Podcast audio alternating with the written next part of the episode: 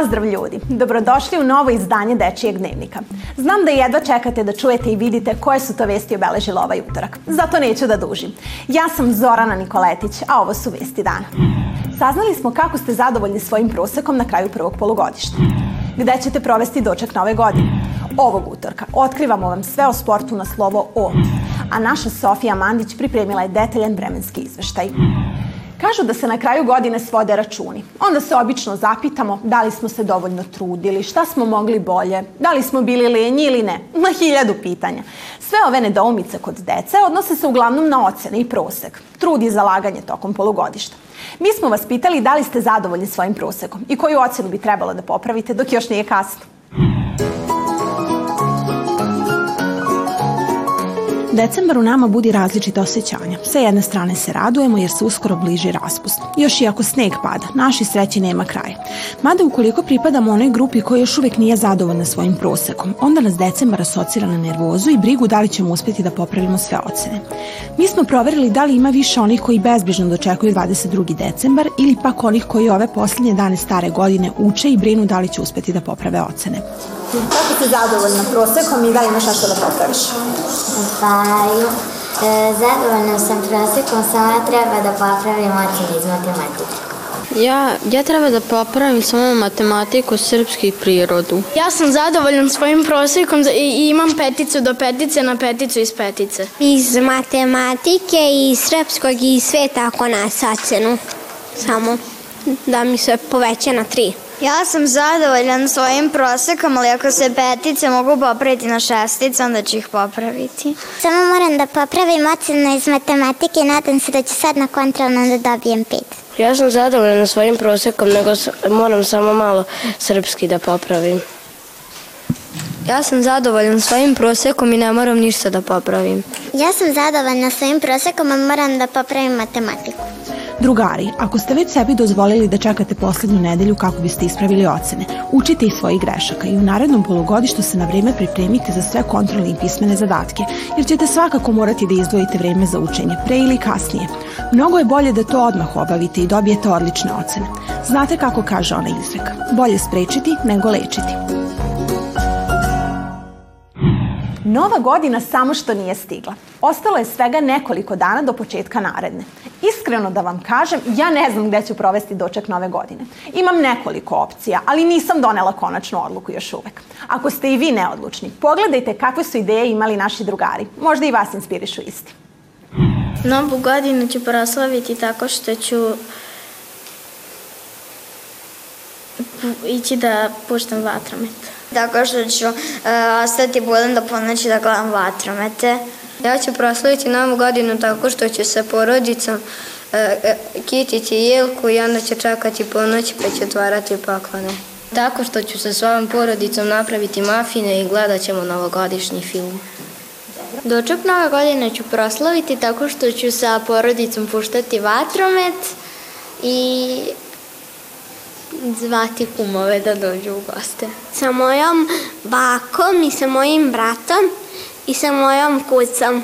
Ja ću novu godinu provesti tako što ću sa, sa svojom porodicom ostati do kasno uveče i čekati i željno iščekivati novu godinu. I tako što ću sa porodicom ići na Petrova radin.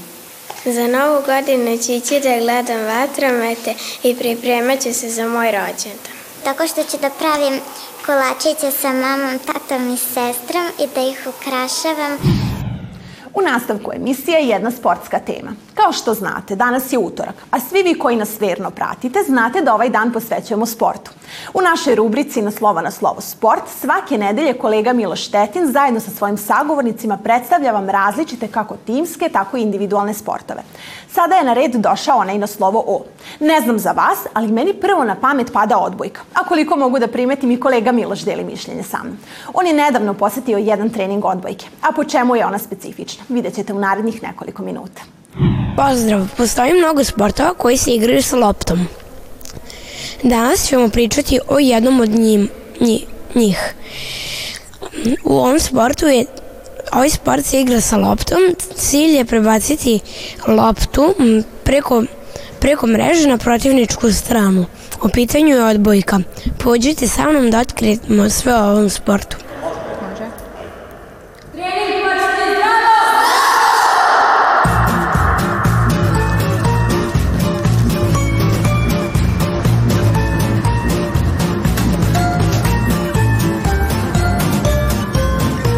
Da li je odbojka zahtevna i da li i kako biste nam opisali odbojku?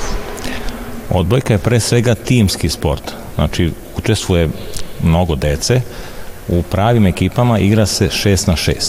A inače postoje sportovi u odbojci kao što je volej bič, koji se igra na pesku, gde igraju 2 na 2.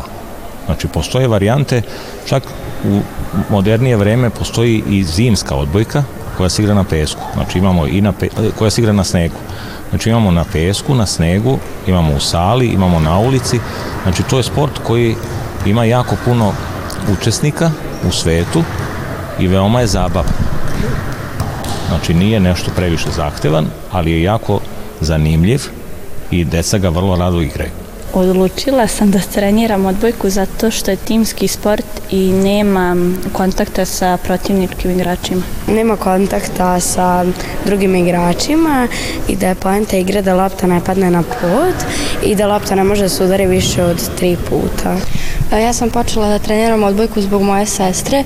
Ona isto trenira odbojku i meni se mnogo svidelo kad sam gledala nju na terenu kako igra.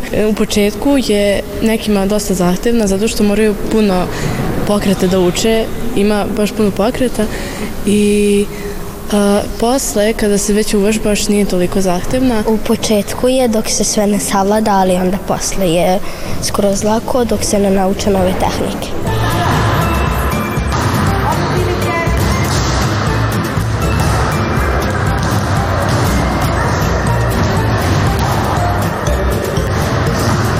Koje vještine su nam potrebne da razvijemo da bismo bili bolji u odbojci? U odbojci, kao i u ostalim sportovima, prvo je snaga, a onda dođe brzina, eksplozivnost, skočnost. Znači, mnogi e, fizički elementi su potrebni da bi se odbojka igrala što bolje. Ali nisu neophodni, znači, za decu su prvenstveno da to bude zabava, a vremenom kako rastu, tako i veštine mora da se razvijaju. Kad je najbolje vrijeme da počnemo da se bavimo ovim sportom? E, odbojkom je, stručnjaci kažu, najbolje treći, četvrti razred, iako danas imamo da se odbojkom bave i mala deca kao vid neke rekreacije i druženja. Znači, mogu da počnu u treći, četvrtom razredu ili kasnije, ali principu je najbolje da se krene što ranije i da se to radi kao zabav. Imam tremu zato što uh, kad krenemo da se zagrevamo mogu da promašim i onda uh, da na primjer pucamo i onda kad promašim imam osjećaj da ću tako i kad krenemo da igramo pravu utakmicu. Nekad imam tre, tremu kad su baš velika takmičenja kad igramo 6-0 tad već polako imam tremu. Na, na početku svakog treninga se radimo zagrevanje i stezanje. Pričamo kakve utakmice imamo za vikende ili za dalje. Nakon istezanja ide zagrevanje sa loptom i nakon zagrevanja sa loptom radimo tehniku. Nakon tehnike igramo uh, neke elemente ili uvežbavamo stvari koje nismo radili dobro na utakmicama. I nakon toga uglavnom je kraj treninga, a na kraju treninga radimo servis i nakon servisa radimo istezanje. I iz treninga u trening uh, smo sve bolji i bolji, a na kraju treninga igramo. Videli ste mu Kao i u svakom dnevniku, nakon sportske rubrike na red dolazi vremenska prognoza. Mada priznaćete da je u našoj emisiji prognoza vremena uvek najtačnije i najpreciznija. Nije što je naša, ali Sofija Mandić meteorološke podatke drži u malom prstu. Sada je vreme da saznamo da li sutra treba da očekujemo vremenske prilike ili neprilike.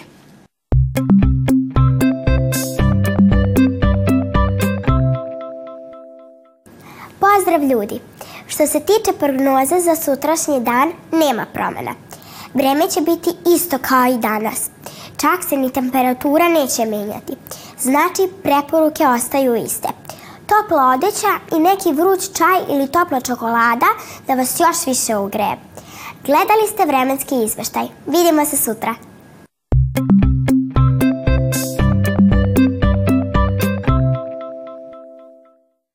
Toliko od nas za ovaj utorak. Nadam se da ste uživali podjednako koliko i mi dok smo pripremali ovu emisiju za vas. Sutra je novi dan koji sa sobom nosi nove informacije, ali i školske obaveze. Budite sutra vredni, a mi vas nakon škole čekamo na istom ovom mestu da popričamo o najaktuelnijim vestima iz dečijeg sveta. Hvala vam na pažnji. Do sutra uveče. Doviđenja.